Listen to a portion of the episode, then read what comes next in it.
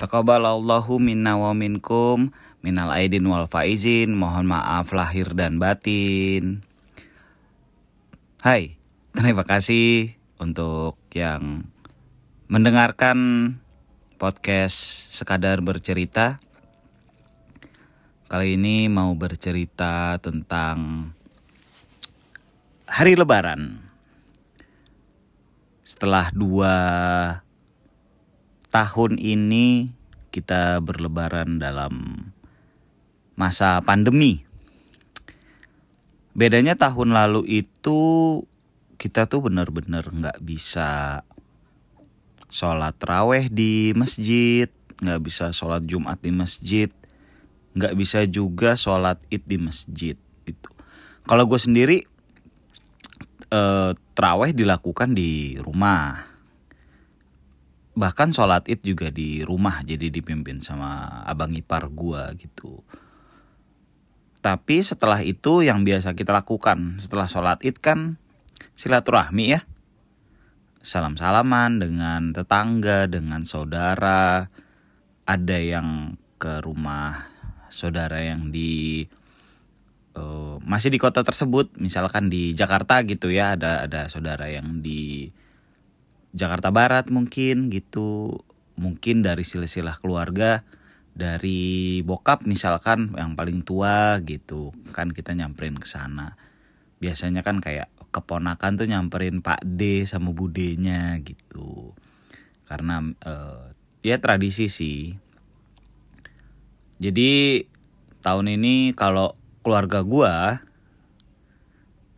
karena tahun lalu kami tidak ke mana-mana sebenarnya tahun lalu keluarga gue ke ke rumah saudara sih tapi yang di samping. Jadi rumah gue ini di hutan kayu dulu itu mbah gue yaitu uh, bapak Raden Sudarno itu punya rumah cukup besar lah gitu ya tanahnya. Bukan rumah tanah tanahnya cukup besar gitu. Yang kemudian tanahnya di beberapa meternya gitu pokoknya dijual ke sahabatnya terus dijual ke sahabatnya lagi hingga akhirnya ada sisa tanah yang sebenarnya masih lumayan besar ya. Kemudian ketika anak-anaknya sudah mulai menikah akhirnya dibagi-bagi deh tuh tanahnya gitu. Jadi anak yang paling tua dita dikasih tanah segini gitu. Terus yang yang kedua itu ada tanah di Rawamangun jadi uh, dikasih yang di sana gitu. Jadi ada bude gue, bude uh, yang kedua itu menikah dengan seorang polisi. Kalau bude gue itu pasti ngikut ke ke uh, ikut dengan suaminya.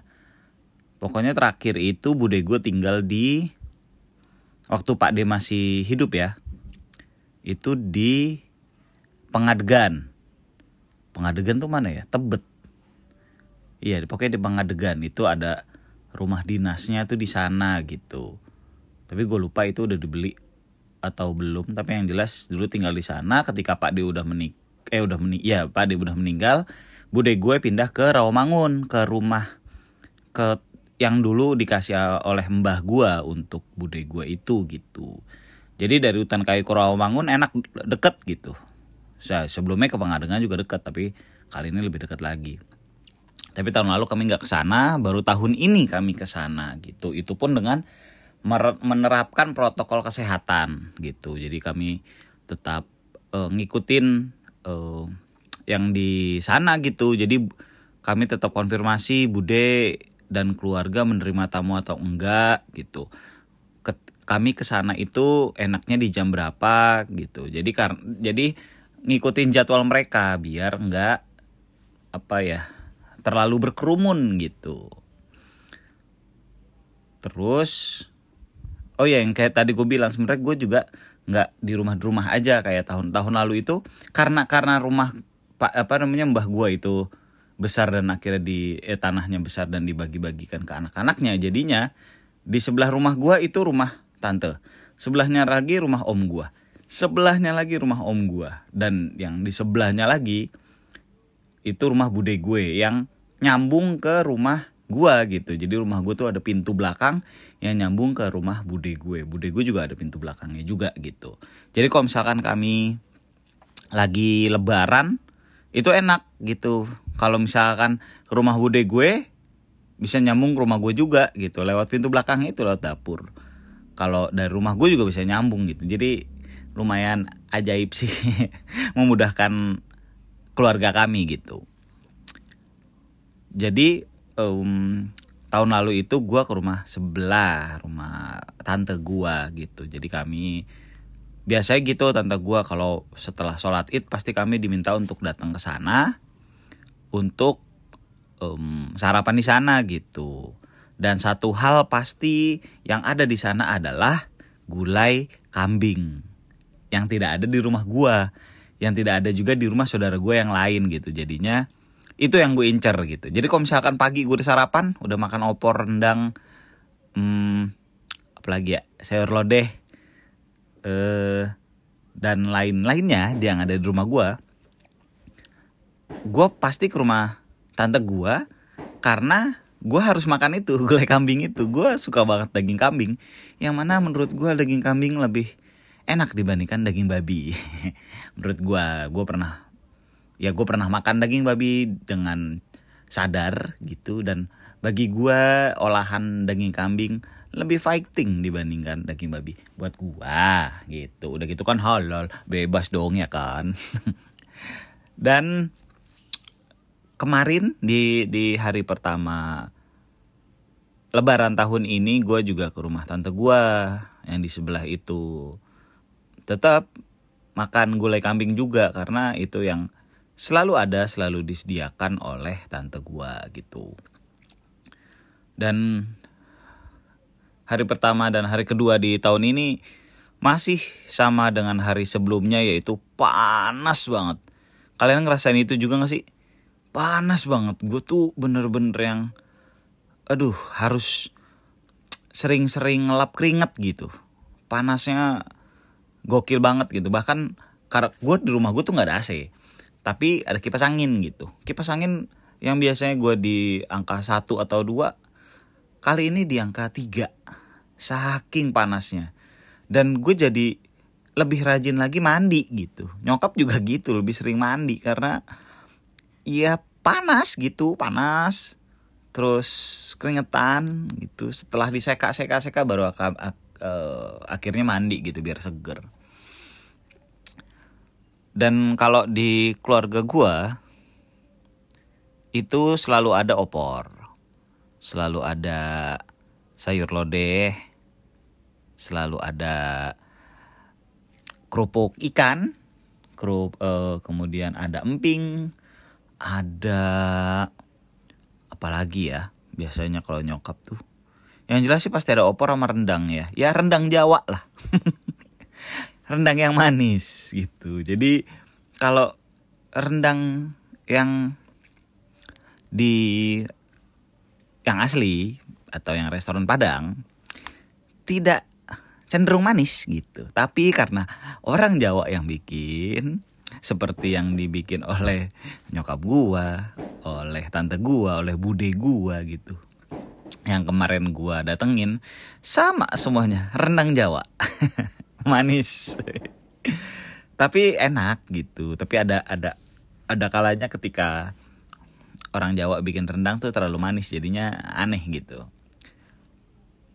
Kalau kalau di rumah kalian itu eh percuma ya gunanya kayak gini juga nggak bisa ada kolom uh, tanya jawab ya. Ya tapi tapi intinya kalau di keluarga gue itu selalu ada itu. Kalau dan juga di keluarga gue karena abang gua yang ketiga itu suka banget ada serundeng. Jadi kalau abang gua pasti lebaran di Jakarta di rumah nyokap itu pasti ada serundeng gitu. Uh, jadi hmm, cukup berbeda sih gitu. Uh, ya dari parutan kelapa lah bikinannya itu itu itu bikinannya nyokap itu favorit abang gua gitu. Tahun ini nggak ada karena abang gua tinggal di Lampung udah beberapa tahun belakangan ini sebelumnya di Bengkulu gitu. Jadi abang gue memang kerjanya pindah-pindah gitu. Dulu pernah di Semarang pernah di Tasik pernah di mana uh, Bengkulu itu. Terus sekarang di Lampung gitu. Karena tidak boleh mudik jadinya abang gue tetap di Lampung. Dan pastinya nggak ke rumah nyokap gitu makanya nyokap nggak bikin serundeng itu gitu nah istrinya abang gue yang ketiga itu orang Makassar orang asli Makassar, orang Bugis gitu ya. E, marganya itu Mapatundru. Dan biasanya kalau tidak ada pandemi, tidak ada corona dan e, keluarga abang gue yang ketiga itu pasti datang ke sini. Apa apa kakak ipar gue ini pasti bawa coto Makassar, bikinannya dia sendiri gitu. Jadi biasanya yang berbeda di rumah kami adalah pasti adanya serundeng dan coto Makassar itu yang biasanya dibawakan oleh uh, abang gua dan istrinya gitu. Eh bukan dibawakan. Kalau serundeng untuk abang gua, kalau coto Makassar itu untuk eh dibawakan oleh istrinya gitu. Beda-beda sih ya di di tiap di tiap uh, rumah ya gitu. Ada temen gua yang orang Kalimantan, orang Banjarmasin dia bikin soto Banjar gitu. Kalau di rumah uh, almarhum Pak De Bude gue, uh, jadi Bude gue ini kakak dari nyokap. Tinggalnya di Pamulang. Uh, tapi keduanya udah meninggal. Itu kalau sebelum-sebelumnya kami pasti ke Pamulang, entah di hari pertama uh, lebaran atau di hari kedua. Kami pasti ke Pamulang. Nah, kalau di Pamulang di rumah bude gue itu yang pasti ada adalah pempek dan uh, tekwan gitu karena uh, kakak ipar gue itu menikah dengan orang Palembang gitu jadinya tiap lebaran mereka pasti nyetok tuh itu ciri khas di keluarganya mereka tuh itu jadi mau nanti sarapannya mau makannya atau pakai opor, pakai apa pun itu yang biasanya ada gitu. Nah, ntar menjelang jam-jam ngemil gitu, misalkan datang dari siang gitu ya, terus jam uh, setengah tiga, jam tiga, jam empat itu mau ngemil, itu udah ada tekwan dan pempek. Yang mana itu asli? Dari Palembang gitu. Bukan uh, pempek yang biasa gerobakan lewat depan rumah gitu. Yang tepung aja kayaknya. Nggak tahu itu pokoknya tidak berasa gitu. Nah kalau yang di rumah bude gue itu ada ada yang kayak gitu gitu. Enaknya di situ tuh bedanya.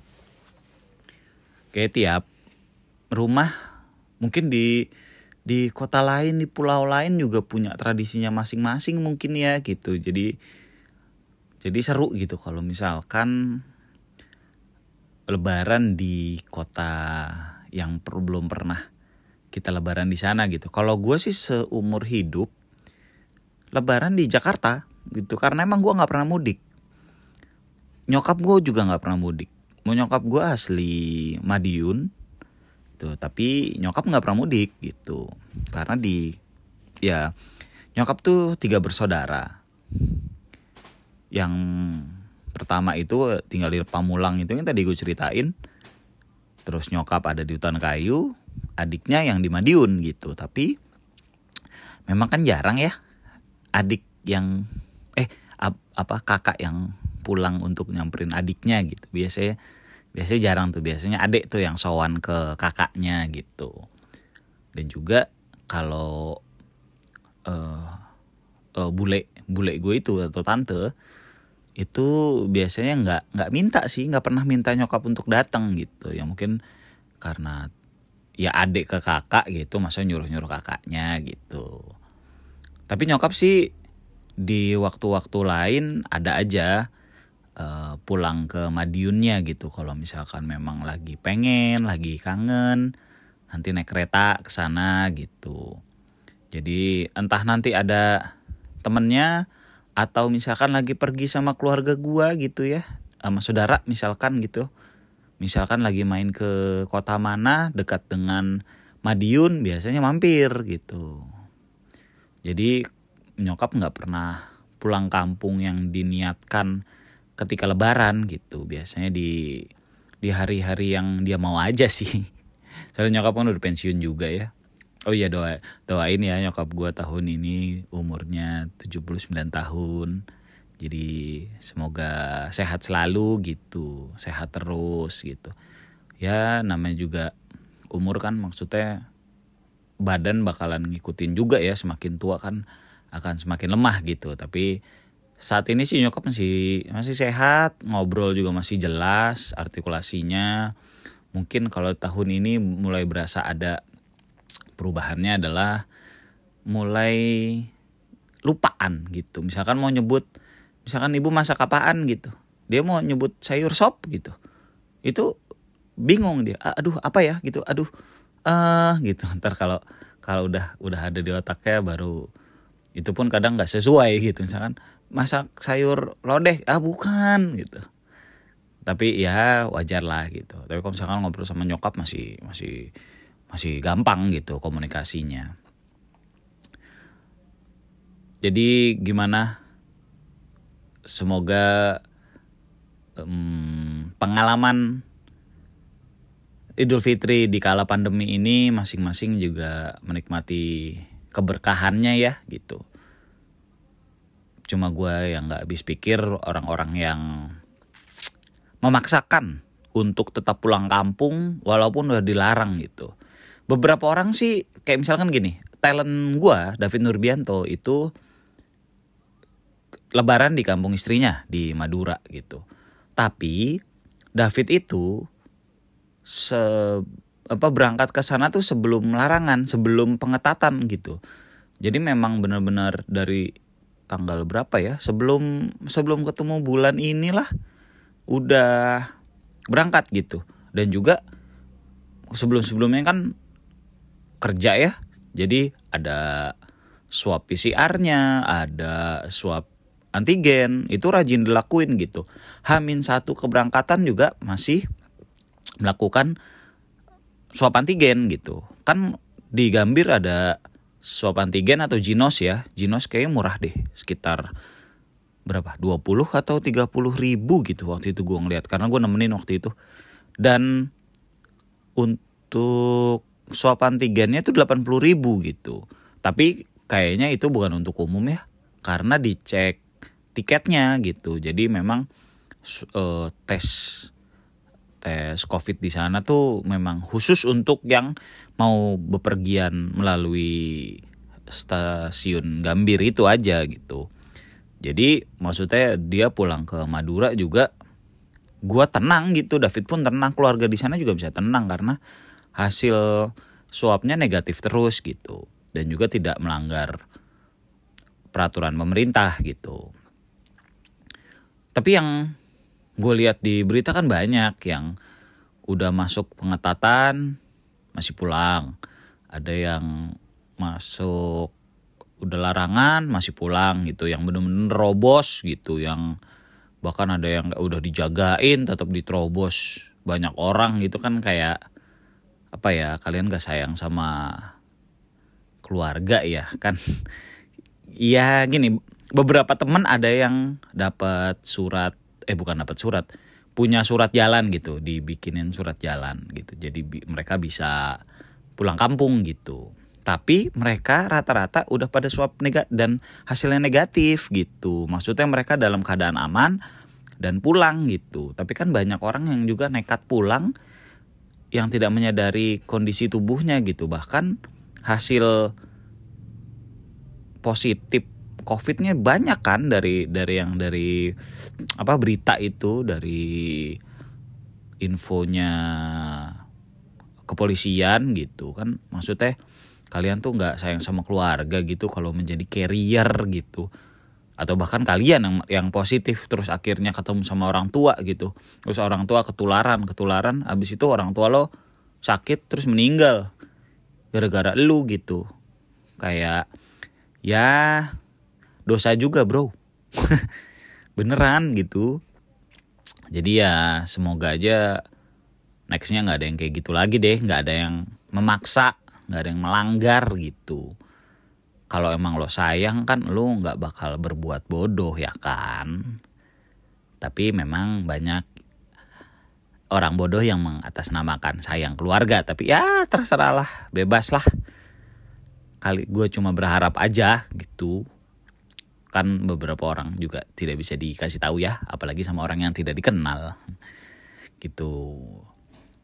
Jadi semoga tahun depan pandemi juga udah selesai. Jadi yang mau mudik udah bisa lebih tenang gitu nggak ada covid gitu nggak ada larangan tidak melanggar prokes lagi gitu karena covid udah nggak ada. Kita saling berdoa juga gitu Semoga vaksin juga bisa lebih cepat walaupun vaksin tidak membuat kita kebal ya. Tuh.